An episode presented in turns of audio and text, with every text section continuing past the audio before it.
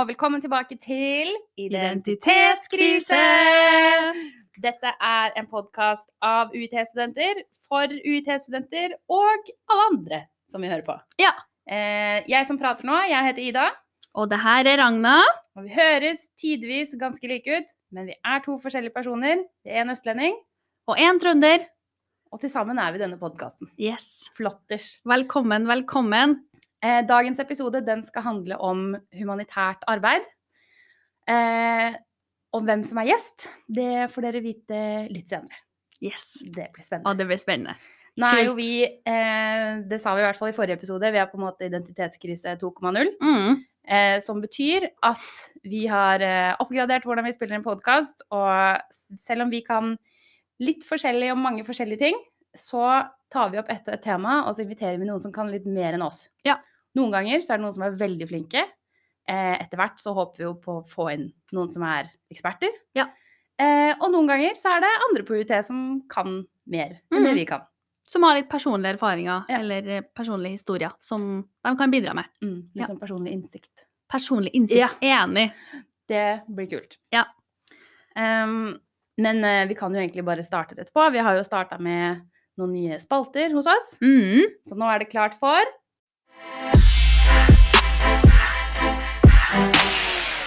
Ukas hurra og ha det bra! Yeah! Yeah, boy! OK. Og hva betyr, hva betyr egentlig det?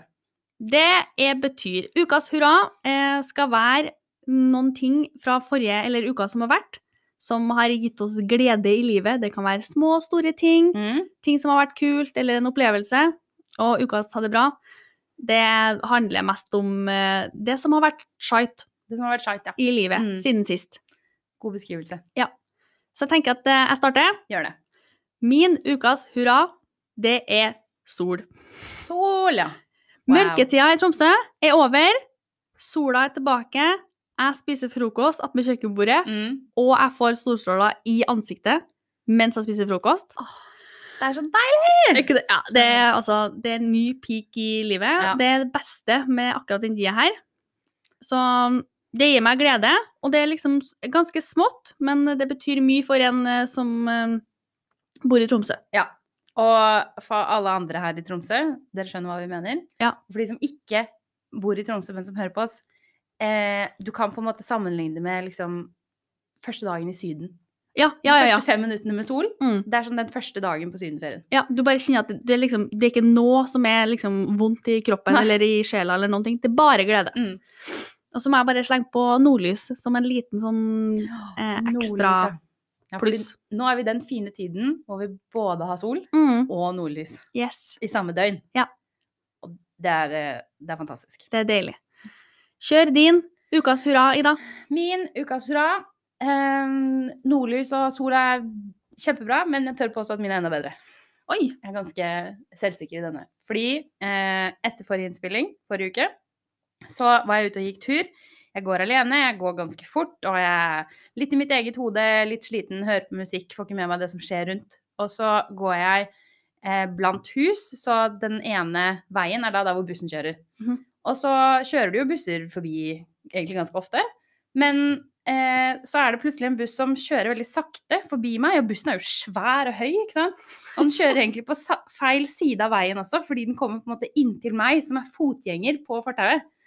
Og så, blir jeg, så tar jeg ut musikken, for jeg begynner å lure på hvorfor, hvorfor er dette svære maskinen ved siden av meg.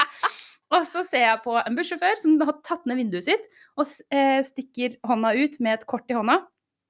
Og så tenker jeg egentlig at eh, det der er ikke mitt bankkort, for jeg har ikke med meg lommeboka, så jeg har ikke mista noe. Og så gir han seg på en måte ikke, eller han, han fortsetter å insistere på at jeg skal ta dette kortet, så jeg tar ut musikken og spør hva er det her for noe. Og så sier han dette er et flakslodd, god tur videre. Og så Herregud. tar han hånda tilbake, lukker igjen vinduet, bussen kjører videre. Jeg står igjen helt alene på fortauet, det er ingen mennesker rundt meg, ser en liten dust, og bare ble sånn Herregud! Ja, det er sykt. Jeg fikk et flakslodd av en bussjåfør som hadde folk på bussen. Han stoppet for å gi det til meg. Jeg var ikke busspassasjer engang. Det var nydelig. Ja. Virkelig nydelig. You're loved, Ida. Remember So that. loved. Herregud, sykt. Så det Det var så fantastisk. Ja, det, det, det Mm. slår faktisk sol og nordlys. Det er greit. Takk. Once in a lifetime. Once in a lifetime. Over til ukas uh, shite, eller ukas uh, ha det bra. Du kan få starte, du. Ja, greit. Min er enkel, men eh, jeg vil tørre å påstå ganske mm, eh, ja, ha det bra-aktig. Bukse som vrir seg i løpet av natta. Åh, det er det verste. Når det er kaldt, og du liksom Ja, du kanskje vil ha vinduet åpent, i hvert fall som meg, da, for mm. å få frisk luft, men du vil ikke fryse i hjel, så har du på bukse. Mm. Men så bare våkner du klokka tre på natta, og så er buksa bare helt sånn helt tvista og tørna. Åh, det er så fælt. Og så er du stuptrøtt, og så er det kaldt, og så er det Nei, det er bare ubehagelig. Jeg skjønner, jeg skjønner Jeg sykt godt hva du mener. Jeg tror det er skikkelig mange som har våkna, og så Ja. har du sånn litt truserøsk, og så har liksom buksebeinet sklidd opp, så du fryser på den ene ankelen. Nei, det, ja, det er skikkelig dårlig, faktisk. Ja, skikkelig dårlig. Enig. Men uh, hvordan kan man løse det, da? Du kan kjøpe, du kan kjøpe en skikkelig lang nattkjole som går ned til anklene. Mm. Sånn som sånne, sånn, sånne skumle folk i skrekkfilmer. Skrekkfilm, ja. Det blir, mm, det blir kjempebra. Kan dere gå og være redd for en liten jente i nattkjole? Det er flott, det. Å. Nei, da har vi løst det. Da skal jeg prøve det neste uke. Gleder meg. Ja. Ny, jeg håper det blir en ny hurra. Jeg håper jeg òg. Ja. Jeg skal oppdatere dere. OK, din eh, ha det bra, Ida.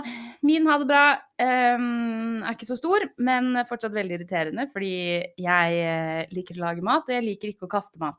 Mm. Og så pleier jeg å kjøpe eh, mye rødløk samtidig, så jeg kjøper en sånn pose med en kilo, og det er, jeg vet ikke hvor mange løk der oppe, jeg er 15 pluss, Sikkert. vil jeg tro. Noe sånt. Og jeg skal lage mat, tar ut rødløk. I bånn så ligger det tre gjennommugne, myke rødløk som jeg må kaste. Jeg får det- sånn ubehag inni kroppen da, når Ja. du forteller det der. Fordi løken skal ikke være myk, ikke sant? Nei, det skal absolutt ikke. Så det var skuffende, irriterende, unødvendig. Men jeg må skjerpe meg. Enig. Mm. Godt oppsummert. Lag maten du kjøper. Enig. Tips til meg selv. Ja. Og meg. Mm. Og alle andre. Og alle andre. Ja. Enig. OK, gøy. Det, det var veldig bra. Ja, bra jobba. Jeg likte det spesielt den buksa. Ja, takk. Ja, jeg, jeg føler, ja, selv om den er snever, så føler jeg at liksom, folk kan relatere til Ja. den. Hvis man noen gang har hatt på bukse. Sånn Mm. stor kosebukse når man ah, sover. Ja. Nei, men skikkelig nice. Da er vi i gang. Yes! Og vi skal straks få inn vår gjest som skal prate om humanitært arbeid. Hei og velkommen til deg, Sunniva. Tusen takk. Hvordan går det med deg i dag? Det går veldig bra. Sto opp klokka ni. Jeg føler meg pigg. Har sminka meg, sånn at jeg kan si forskjell fra dagene som har kommet. Mm. Men det føles veldig bra. Ah, veldig bra. Mm. Du er her som på en måte ikke ekspert, men litt ekspert eh, på humanitært arbeid. Ja. Men eh, du kan jo først få lov til å fortelle hvem er du, hvilken hårfarge har du, alder i studiet osv. ja. Eh, så jeg heter jo Sunniva, da. Jeg er 21 år. Jeg går siste året på sosiologi. Mhm. eh, og så kommer jeg fra en veldig liten plass i Telemark som heter Fyresdal. Eh, hårfargen min er nesten litt vanskelig å se. Jeg har nesten ikke hår. Jeg har litt mørkere hårfarge. Mm. Ja. Hvorfor har du nesten ikke hår? Eh, for ett år siden så var det du som klippet det av. Eh, så det har jeg ikke så mye av igjen. Nei. nei. Mm. Jeg skal bare snike inn den historien. Så. Ja. Jeg klippet håret mitt. sant? Å, slutt med sånn sjølskriving, da. Sunniva er veldig fin på håret, Ja. men det, jeg mener at det ikke er for Ida sin fortjeneste. Nei, det er greit. Sunniva som er fe, pen i seg Jeg bevegde maskinen, jeg tok ingen avgjørelser. Sant. Sunniva sin inch. Ja. Så det skal du få. Um, Ja, skal vi eh, gå i gang, eller Sunniva, du skal få være med på en eh, spalte Mm. som vi har. Som heter Ukas eh, anbefaling. Um, Det kan være stort, det kan være smått, det kan være eh, hva som helst, så lenge det er noe du har lyst til å anbefale til publikum. Ja. Du skal få lov til å starte. OK, så liksom eh, Beste anbefalinga jeg har, er liksom rutinen jeg har begynt med. Stå opp klokka ni. eh, våkne opp, ta seg en kaffe, og så liksom ta det litt rolig. Og så begynner du å lese litt. Du leser sånn 20 sider av et eller annet du trenger å lese. Eh, og så tar du det litt rolig, lager en kjempegod middag, og så går du en tur etterpå. Og så etterpå så kan du sette deg inn, se en serie eller film med god samvittighet. Og så har du bare brukt dagen kjempebra. Ja. Det er deilig, altså. Det er sånne små rutiner som på en måte i hverdagen som skal til for Ja. at det, det blir bra. Men får du til å stå opp klokka ni hver dag? Ja. Uansett dag? Ja. Til og med lørdag og søndag? Eh, da står jeg opp ti. En time senere. Wow. Å, det er lurt, altså. Ja. Å, det er deilig. Ja, veldig god anbefaling. Ja. Bra. Eh, vi har også med oss en anbefaling nummer to Ja. fra en lytter. Ja! Lytter Charlotte. Shout out. Shout out! Hun har sendt inn et eh, tips på ekte til ukas anbefaling. Bruk refleks. Ja, støttes Ja. 100 Viktig. eh, Enkelt, greit, viktig. Don't die. Nei. Ikke sant? Det var det. Ja. Don't die. Det var dagens quote. Ah, kjempebra. Ok, Men Sunniva, du er her for å prate med oss om eh, humanitært arbeid. ja. Hva er egentlig humanitært arbeid? Eh, så det, det kan Altså egentlig så er jo humanitært arbeid på en måte det å jobbe med mennesker, eller eventuelt hjelpe mennesker. Mm. Men ofte når man snakker om humanitært arbeid, så er det jo litt mer alvorlige situasjoner. Det kan være liksom på en måte det å hjelpe heimløse, f.eks. Eller det kan være å eh, jobbe i Jemen med å vaksinere, på en måte. Eh, Mm. det er et veldig bredt tema, men det er jo hovedsakelig på en måte litt mer alvorlige ting. Mm. Det er ikke det at du hjelper ei gammel dame over gang, gangveien. Mm. Det, det er ikke humanitært arbeid, vil jeg ikke definere det som. Men det er når det er liksom større problemer, da. Ja. Mm. Og grunnen til at vi har tatt inn Sunniva, og Sunniva kan litt om det her, er fordi at du har jo jobbet for en større organisasjon Mm. som driver med det. Ja. Og hva slags arbeid er det? Hvordan har du jobba med det, på en måte? Eh, Så jeg jobber jo som verber, som Ja. høres ut som verdens kjipeste jobb. Men eh, altså det, jeg har jobba for en litt større organisasjon der jeg går rundt på dører rett og slett og banker på. Eh, og så skal jeg prøve å bevise deg om at dette her er verdens beste organisasjon. Mm. Eh, og så skal jeg prøve å få deg med, da. Eh, og det er veldig interessant. Det høres veldig kjedelig ut, men Mm. du møter så masse folk, og det Mm. er så gøy å diskutere. Og i hvert fall når det kommer til sånt, for at du tenker jo litt sånn Åssen kan noen være uenig i at humanitært arbeid er Ja, ja. dårlig, liksom? Mm. Eh, så kjempeinteressant. Mm. Veldig gøy. Mm. Um, men har vi humanitært arbeid Jeg føler at når man snakker om det, så er det veldig mye sånn eh, der hvor det er sultkatastrofer Mm. eller naturkatastrofer eller folk i andre verdensdeler, og i hvert fall utenfor Norges landegrenser. Ja. Men er det humanitært arbeid i Norge? Ja, altså du har jo eh, Du kan på en måte også si at sånn som Røde Kors gjør humanitært arbeid, for at de reiser ut på leiting etter folk osv. Mm. Eh, hvis det har gått snøskred og sånn. Men vi har jo eh, uteliggere f.eks. Vi har narkomane som går rundt, spesielt da i Oslo. Vi har litt i Tromsø også nå. Eh, og der er det jo på en måte Kirkens misjon? Bymisjon? Bymisjon? Ja. Bymisjon. Som, som eh, blant annet er med og hjelper deg, da, eller gir Mm. deg mat, eller eh, har veldig masse opplegg med deg, i hvert fall rundt juletider når de trenger liksom litt ekstra. da. Ja. Mm. Så vi har litt humanitært arbeid her i Norge også, Mm. for på en måte selve Norgesbefolkninga. Ja. Ja. Mm. Ja, men det er kult. Det er ikke bare liksom sultkatastrofer og sånn. Nei. Mm. Det er bra. Ja, du nevner jo liksom litt at, eh, at det er, kan være masse forskjellige mennesker som trenger hjelp. Mm. Men eh, hvorfor eh, Jeg føler, eller sånn, Det kan jo at noen kan tenke seg at eh, hvorfor humanitært arbeid er viktig, at det på en måte sier seg sjøl. Mm. Men eh, hvis du kan forklare det? Eh, altså, eh, først og fremst, altså jeg, når, altså jeg skal være ærlig og si at når jeg tenker på humanitært arbeid, så tenker jeg nødvendigvis ikke på det som skjer i Norge. Da Mm. tenker jeg jo mest på det som skjer eh, spesielt i liksom fattigere land som trenger mer hjelp.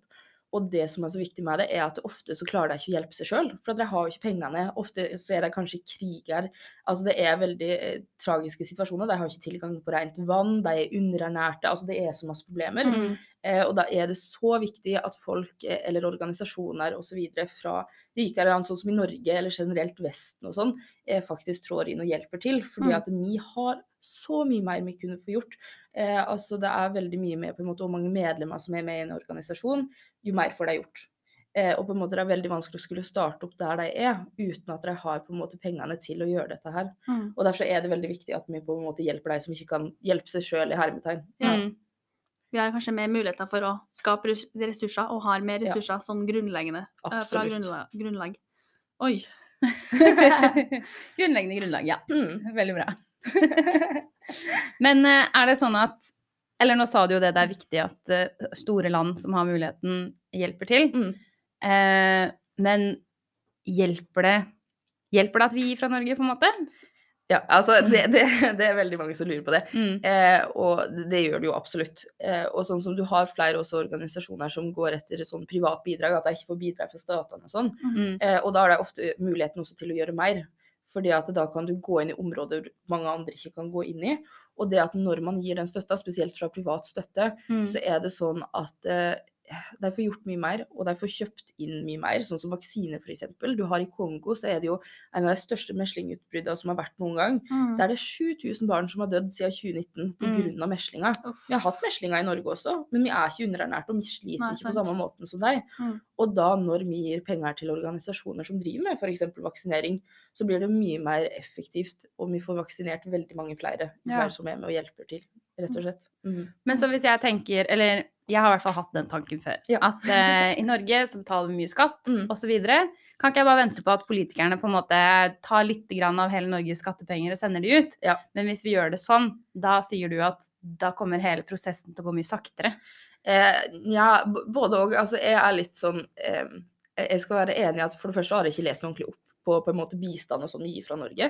Eh, eller det eneste jeg vet er at vi gir ekstremt mye, men jeg er litt skeptisk til akkurat det opplegget. Fordi samtidig som vi gir bistand til Mm. land, eh, så er jo vi et Nato-land Mm. som selger våpen til Saudi-Arabia. Mm. Og det er litt sånn Ja.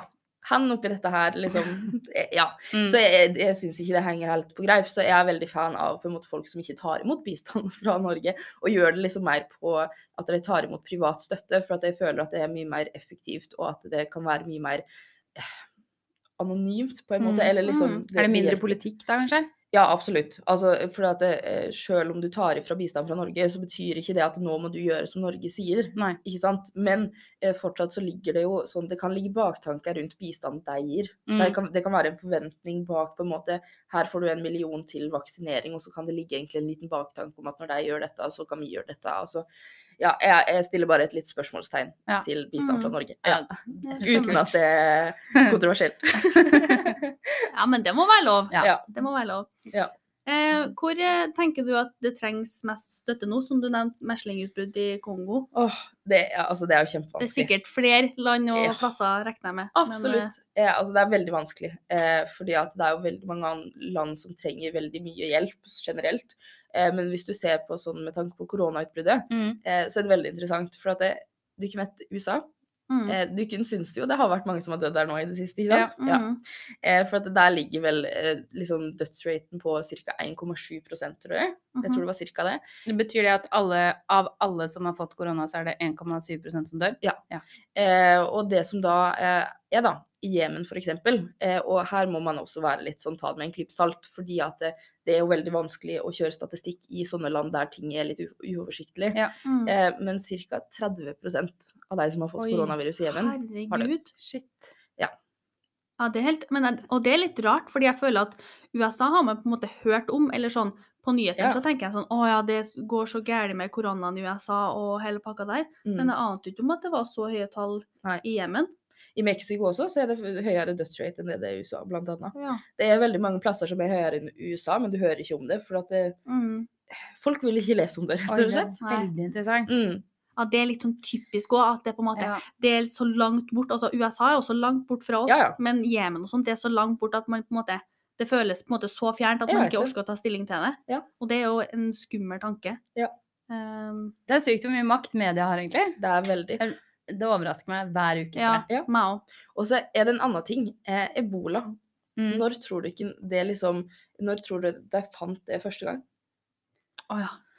Oi, det var godt spørsmål. Aner ikke. Jeg har ikke peiling på hvor føler gammelt liksom at ebola det er. var, det var mange år siden så husker jeg det var sånn på nyhetene at å, Mm. det var ebola, ebola, ebola. Ja, det var i 2014. Ja, og Mm. så var jeg sånn OK, nå er det ebola, og så på en måte gikk jo det over i hermetegn. Ja. Fordi det har jo sikkert Men var det bordet ebola liksom nytt i 2014? Er det fra liksom 2000-tallet, eller er det fra sånn 70-tallet? Det er 1970-tallet, så kom Oi. ebola først. Men vi fikk ikke høre om det før i 2014, og det var rett og slett fordi det var en norsk lege som måtte dø før noen gadd å bry seg. Ja, for det er helt sykt. Ja. Det er helt sykt. Ja. Men, men da er det jo sånn, sånne store kriser, da. Det er jo, det er jo helt ekstremt å høre hørt om. Men hva er på en måte de største krisene du har lært om? Jeg regner med du har lært mye i den jobben din. Ja, eh, altså det, det største Altså det må på en måte eh, Det spørs jo veldig, men på en måte noe av det som fortsatt er veldig eh, relevant, er jo annet tuberkulose. Altså det Mm. er eh, cirka, altså det er sånn ca. 1,5-1,6 millioner som dør av tuberkulose hvert år. 1,6 millioner mennesker. Ja. Men tuberkulose har vi jo hatt i Norge. Ja. Og det ble Er ikke vi kvitt tuberkulose i Norge? Eh, eh, jo og nei. Greia er at tuberkulose er noe som ligger på en måte sånn det ligger i for, eller sånn én til fire personer, men det blir på en måte det er veldig mange ting som skal utløse det. Mm. Eh, og det at vi ikke har un har underernæring, f.eks., det at vi har tilgang på rent vann, Mm. hjelper ikke veldig langt. Det er tilfeller til tuberkulose i Norge også, men da er det ofte sånne innvandrere og sånn som kommer med det, eller folk fra utlandet som kommer inn, og så har de tuberkulose. Ja. Mm. Eh, problemet med tuberkulose er jo det at du har ikke eh, Nå har det kommet vaksine som skal være veldig effektiv, men denne medisinen som var tilgjengelig for, eh, altså, bare for et år siden, den var det sånn at du måtte ta sånn 20 tabletter hver eneste dag i ni måneder. Og det var bare 36 sjanse for at du overlevde. De fleste gikk inn i psykose, liksom. Herregud. Shit. Eh, Det og så er det selvfølgelig hiv-aids, som også er veldig, veldig Ja. relevant, som fortsatt veldig mange dør av. Mm. Ja, fordi det er jo eh, Jeg levde ikke på 80-tallet, så jeg kan Nei. ikke si det. Men jeg har sett på TV da, at Ja. det var liksom da aids kom, så var man veldig redd for For det litt sånn som vi har opplevd korona, kanskje. på en måte, Ja. Eller sånn Mm. Koronaen er jo selvfølgelig større og lockdown og hele pakka. Men eh, poenget mitt var at da var man redd for det, og så kom det medisin. Og så først så fikk man på en måte bare høre om den mystiske sykdommen som man dør av. Mm. Og nå snakker man jo om at ja, men hvis du får det i dag, så kan du leve med det. Vi har medisin. Mm. Du må gå på medisin resten av livet. Eh, jeg skal ikke si at dette er fakta, men det er det jeg mener å ha hørt. Ja. Men så kan du leve med hiv-aids Mm. Resten av livet. Men i deler av verden, da, hvis de ikke får medisin, Mm. Det er det som skjer. Ja, for det, det som er da, er at veldig lenge så har den medisinen vært veldig, veldig dyr. Ja. Eh, nå har det blitt pusha en del ned, eh, men fortsatt så er på en måte problematikken dette her med å faktisk komme fram til deg som har det, og gi Mm. deg medisin for det, og hjelpe deg. For det at det er sånn som med eh, vaksinering, da, det er jo mye lettere. For det der skal bare alle vaksineres, på en Ja. måte. Eh, mens når det kommer til denne, så må du faktisk ha det. Du må gå til en lege og si at jeg har disse symptomene, kan du sjekke på meg? Og så kan de se på at shit, du har hiv, og få liksom medisiner for det. Mm. Så det er litt mer tungvint eh, prosedyre av det, men det er fortsatt veldig mange som også dør av det. Mm. Ja, det er helt Mm. sinnssykt. Jeg blir litt sånn kvalm Ja. Ja. eh, av å tenke på at vi, det finnes medisin, men det blir ikke brukt. ja. Og det, Ja. det er på en måte sånn som eh, Det jeg blir mest dårlig av, er at sånn som Jemen igjen. Mm. veldig, det er Jemen jeg har på en måte lest meg mest opp om, for at jeg syns det er veldig interessant. Men der er det alle, ene og alene fem millioner barn som er underernærte. Ja, det, ja. Det er samme som alle i Norge. Mm. Å, herregud. Ja. ja, og da er det litt kjipt med den løken du kasta i stad, Ida. Fordi den eh, Det er faktisk eh, Ja, det fins oi. problemer, og så fins det ekte problemer. Ja, ja. Mm. Men sånn er det i podkasten her. Ja. Vi har det litt artig, og så lærer vi litt også. Ja, ja. Og det er viktig. Det er bra. Det er veldig viktig. Eh, men eh, det her er et veldig stort spørsmål, men jeg har lyst til å stille det likevel. Og det er ikke sikkert du kan svaret, men kanskje du har lært litt? Ja. Eller så kanskje vi kan diskutere. Men Mm. hvis vi hadde løst de største krisene i verden, hva hadde skjedd da? La oss si at liksom, det er ingen som sulter lenger, eller la oss si at alle ble friske fra tuberkulose, eller alle barna i Jemen fikk nok mat. Er det snakk om liksom alt på en gang, eller liksom bare én av dem? Eh, jeg vet ikke, har du svar på noe av det? Ja. eh, altså, det, det er jo kjempe, kjempevanskelig. Eh, for det er så kompliserte problem. Det er på en måte eh, ingenting av det som på en måte er de store problemene nå, er jo fiksbare på en dag. Mm. Og det skal liksom, sånn som eh, for å ikke få tuberkulose lenger, da, så skal det ikke være undernæring, det skal være tilgang på rent vann osv. osv. Ja. Det er så mange ting som må liksom falle på plass for at det skal eventuelt da bli bedre. Mm. Sånn grunnleggende ting. Ja. Ja. Eh, og på en måte når de grunnleggende tingene ikke er på plass fra før av, så er det liksom ekstremt vanskelig å skulle tenke seg, på en måte. Ja, og- fordi rent vann bare Ja. er det jo kjempemange i verden som ikke har tilgang på. Ja. Mm. Og det er jo helt vilt. Det er ganske sjukt, ja. Så hva som hadde skjedd hvis det hadde og Alt hadde ordna seg. Jeg har ikke peiling. Nei. Kjente Nei. at hjernen min liksom små eksploderte. Nei, men da, da er det bare viktig å jobbe mot det, da. Ja. Imens. Mm, Men jeg, jeg har litt lyst til å spørre hva du hva tror, Ida. Hvis at alle store krisene hadde blitt løst. Hva tror du skjer? Oi. Jeg ehm, Nei, det er jo litt sånn eh, barnslig, da, men jeg ser liksom for meg at det, det hadde vært mer stabil økonomi, og ting hadde vært hyggeligere i verden, og folk hadde flydd over landegrensene, liksom. Ja. Ja. Ja, for det- Bedre, ja. mindre liksom krisemaksimering og mindre mediemakt og skremselspropaganda, på en Mm. måte. Hvis ikke vi hadde hatt noe å skremme med. Men vi hadde jo sikkert fått nye problemer. Ja, det er det som er. Et tre veltet på E6. Tror du ikke det hadde blitt sånn Wow. overskrift? Det er overskrift uansett ja. Ja. det er større kriser Ja, i verden. Så det det, har det. ikke noe å si. Dårlig eksempel. Ja, det går bra. Ja. Nei, OK, men eh, videre da, Sunniva. Eh, hvordan, eh, hvis man er interessert i humanitært arbeid, Mm. jeg har lyst til å lære mer, Mm. eh, men det er også et ekstremt stort utvalg av organisasjoner man kan melde seg inn i, være med i, eh, bidra med. Hvordan bestemmer man seg eh, for hvilken organisasjon man eh, skal bestemme seg for å bidra med, da? Ja, eh, altså Det er jo ekstremt mange. Mm. Og som jeg også møter veldig mange på døra som sier, er jo det at du kan ikke støtte alle. Og det er jeg også klar over. Ja. Eh, men det jeg da vil anbefale, er å på en måte finne din måte hjertesak. da, at eh, Enten om det er å hjelpe barn, eller om det er å hjelpe kreftsyke, eller forskning på kreft, eller om det er å hjelpe underernærte barn, eller liksom hva enn det skal Mm. være. da, Så jeg Mm. tenker at liksom da kan du på en måte ramme det ned til veldig mange færre organisasjoner. Mm. Eh, og da har du på en måte sånn som Vil du hjelpe barn, da, så har du Redd Barna f.eks. Mm. Eh, vil du hjelpe med rettigheter, så har du Amnesty. Mm. Eh, har du, vil du hjelpe internt i Norge, som også er veldig Mm. mange som vil gjøre, så har du liksom sånn eh, Kirkens Bymisjon f.eks. Ja, Mm. du har Røde Kors, som gjør også veldig mye bra arbeid. Eh, og så har du på en måte større organisasjoner som jobber ute i felt. Der har du også Røde Kors, og så har du Leger uten grenser, annet. Mm. Så det er veldig mange bra organisasjoner, men jeg tror det viktigste er på en måte å få sortert det først, Mm. før du går ut og velger. Sånn som jeg sjøl har jo på en måte heller sortert med at jeg velger eh, folk som på en måte er veldig selvstendige og er litt sånn eh, Gir litt F i politikk og er liksom veldig sånn eh, De skal på en måte ikke ha noen sider av saka å si Mm. på, de skal liksom bare gjøre det som faktisk er rett. Ja. Ja. Ja, fordi det har jeg også. Jeg har på en måte blitt møtt av både hvis du går på gata, da, ikke sant, så møter man folk som jobber for en organisasjon som Mm. vil at du skal være med. Og da har jeg jo møtt både Røde Kors, Unicef og Leger uten grenser. Ja. Og alle sier på en måte mye og bra ting, og så står jeg der litt sånn Det er kjempefint, men jeg kan jo ikke støtte alle tre samtidig, for Nei. det har jeg ikke råd til. Mm. Men jeg vil jo støtte noe, jeg vil jo egentlig støtte alt de gjør, men da Det var et veldig smart utgangspunkt at man finner det man Finn først hva du vil støtte, og så Mm. finner du organisasjonen som gir den støtten. Yes. Mm. Veldig godt tips. Ja, det var lurt. Godt Mm. tips. Um, men også lurer jeg på til slutt, hva var det som gjorde at du ble interessert i det arbeidet her? Hvorfor tok du den jobben du har, på en måte, som Ervin? Eh, altså, jeg tror jeg alltid eh, Jeg har liksom alltid villet gjort noe for å hjelpe noen andre. For Mm. at jeg, liksom, jeg tror jeg alltid har vært liksom klar over eh, at vi har det altfor bra her i Norge. Mm. Og det er liksom eh, Og eh, så når jeg kom først opp til Tromsø og hadde flytta, eh, så først så sjekka jeg liksom litt med sånn frivillig arbeid og på en måte hva som var tilgjengelig. Problemet da var jo at jeg jobba ekstremt mye samtidig som jeg studerte, så det var liksom ikke tid til å faktisk gjøre det. Mm. Eh, og så flytta jeg jo midt til USA. Eh, og da på en måte andre semesteret i der, så kunne vi ta og jobbe som frivillig eh, inn med et fag vi hadde. Mm. For at vi skulle liksom skrive en litt sånn oppgave om det frivillige arbeidet, da. Eh, så det var vel der det på en måte starta, der jeg gikk liksom over dørstokken og fikk liksom endelig på en måte gått inn i det å være frivillig og gjøre noe for andre. Ja. Og der var det jo heimløse jeg var med. Eh, og så kom jeg tilbake til Norge, og da var det jo det at jeg skulle ha min sommerjobb. Og da så jeg på en måte at eh, denne organisasjonen lyste ut jobb, og det var jo ikke frivillig dette her, det var jo timesbetalt, Mm. for at jeg kunne jo, jeg måtte jobbe for penger. Ja. Men da var det sånn, jeg valgte den for at jeg visste at de gjør ekstremt mye bra arbeid.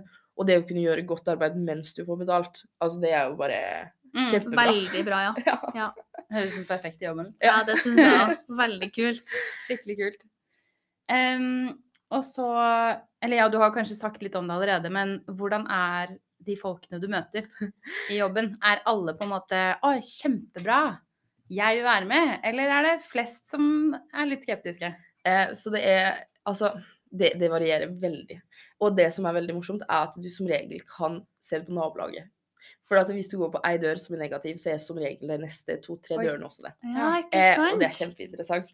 Altså Når jeg går rundt eh, på dører til organisasjonen, eh, så er det jo sånn at det, altså, organisasjonen jeg går for, har jo veldig bra rykte. Det har for så vidt veldig mange av deg også. Mm. Eh, så du blir som regel møtt med liksom 'Å, det er bra arbeid'.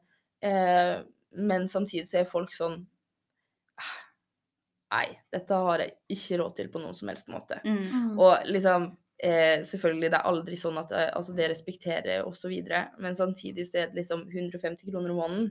Vet du, jeg klarer til og med det, og jeg er student. Mm. Det, det er liksom de, de fleste klarer det. Ja. Eh, forskjellen er bare om du faktisk gidder eller ikke. Mm. Selvfølgelig møter du også folk som er sånn det, Altså, jeg støtter så mange fra før av. Kjempeforståelig. Mm. Helt fint. Mm. Så har du jo på en måte deg som er litt sånn imot noen av de få tinga, eller tror vi driver med på en måte eh, sånn skitten politikk eller hva søren det skal være. Ja. Eh, så det, det er veldig mange forskjellige du møter på døra. Mm. Mm. Så man, men man må kanskje bli litt hardhuda, da. Tåle nei og stå på, stå på sin Eller stå opp for sin sak. Ja, ja, altså du, du må bli vant til å være liksom den cocky jævelen som står der og bare er sånn Min organisasjon er best, Ja. og hør på meg. Ja. Ja, ja.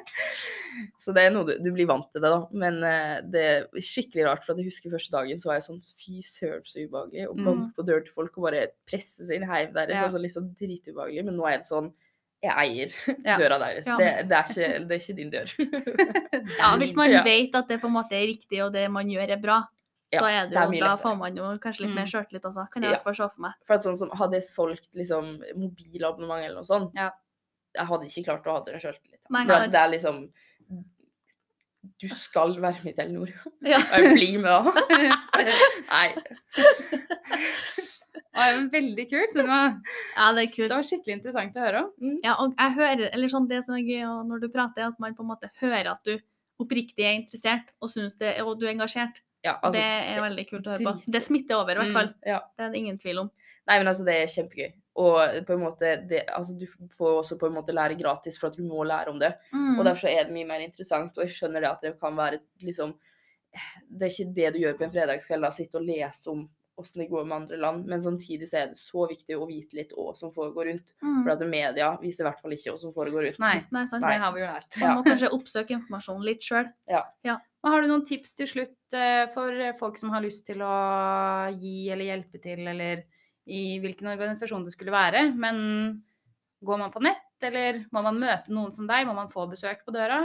Eh, altså, du kan absolutt bare gå på nett. De Mm. fleste organisasjoner har sånn at du kan melde deg opp som medlem, annet. Mm. på nett, eh, eller du kan gi engangsdonasjoner. Eh, selvfølgelig, altså eh, nå er det sånn at eh, du også kan gå bort til folk du ser på gata og heller bli med der, hvis du har Mm. funnet ut at å, denne organisasjonen er bra, Mm. bare for å gjøre dagen til en fyr som står på gata. For Ja. altså det, tro meg, det setter vi veldig Ja. stor pris på. Ja. Å, søt, du herregud. ser en skalla dame som vil ha pengene dine, gå bort til henne. Det er Sunniva. OK, OK, OK. Vi kjører i gang med dagens siste spalte. Hvor etablert er du? Oi. Ida, kanskje du kan eh, forklare? Jeg, jeg var litt flinkere sist. Var det det? Ja, ja. Mm, jeg Trengte å minne meg på det.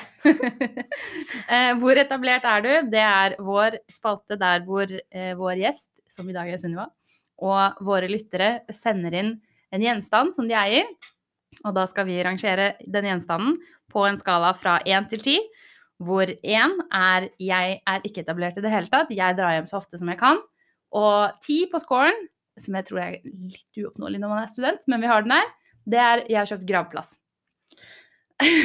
For det, det har i hvert fall vi kommet fram til. Det er toppen av å være etablert. Ja, Hvis du har bestemt deg for at her skal jeg ligge når livet er over.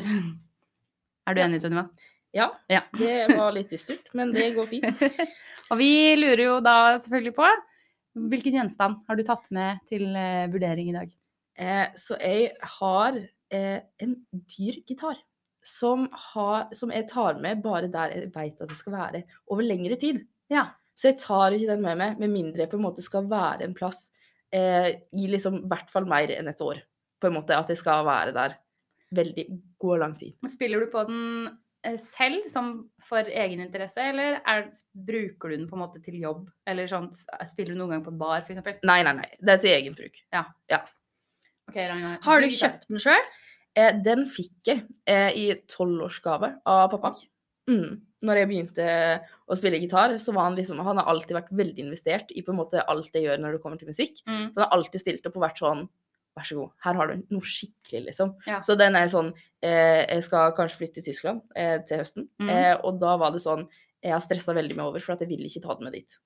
For at jeg skal ikke være der lenge nok til å ta den med. Oi, men det her, det her var vanskelig. Men vi må fortsatt vurdere gjenstanden gitar. Ja, ja, OK, vi må egentlig legge bort historien. For For historien er veldig ja. fin, og historien er veldig sånn Den kunne jeg på en måte bygga oppover. Men grunnen til at den er bra, er for at det er en dyr gitar. Hadde det vært en Ja. billig gitar, så hadde det vært Mm. noe annet. Hadde kostet ja, 200 så- Vi har en gitar. En gitar er veldig mobil. Mm. I hvert fall mer enn et kjøleskap. Ja, men også veldig mye mindre enn en toalettmappe. Ja. Og så er Du må ha spesialbagasje for å flytte den, som er heft.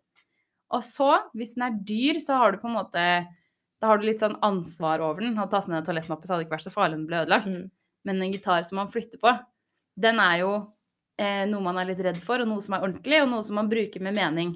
Og hvis man spiller mye gitar sånn som du gjør, og man har tatt den med seg, så tar man den jo med seg fordi man tenker at her, er det her jeg er mest, på en måte. Her skal jeg bo, her skal jeg spille gitar, her skal jeg ha hverdagen min. Mm. Men den er fortsatt ikke så stor.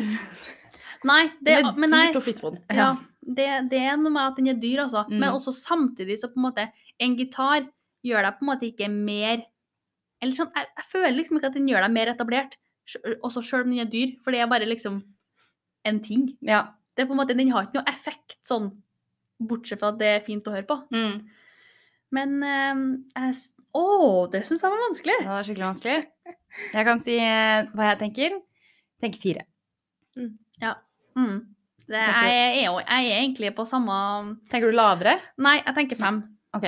Men eh, problemet egentlig i runden her var at jeg hadde ikke noe godt argument på hvorfor jeg tenkte det jeg tenkte. Nei. Men jeg føler liksom at det er det er noe med at den liksom er stor nok størrelse at det blir irriterende å dra med seg. Det er akkurat det. Men også på en måte Det er bare en ting Mm. som på en måte Det har ikke så mye utover seg. Nei, og så tror jeg det ligger litt i at hvis jeg går inn i noen sitt hus eller i et kollektiv, og de har en gitar, så blir jeg sånn litt imponert.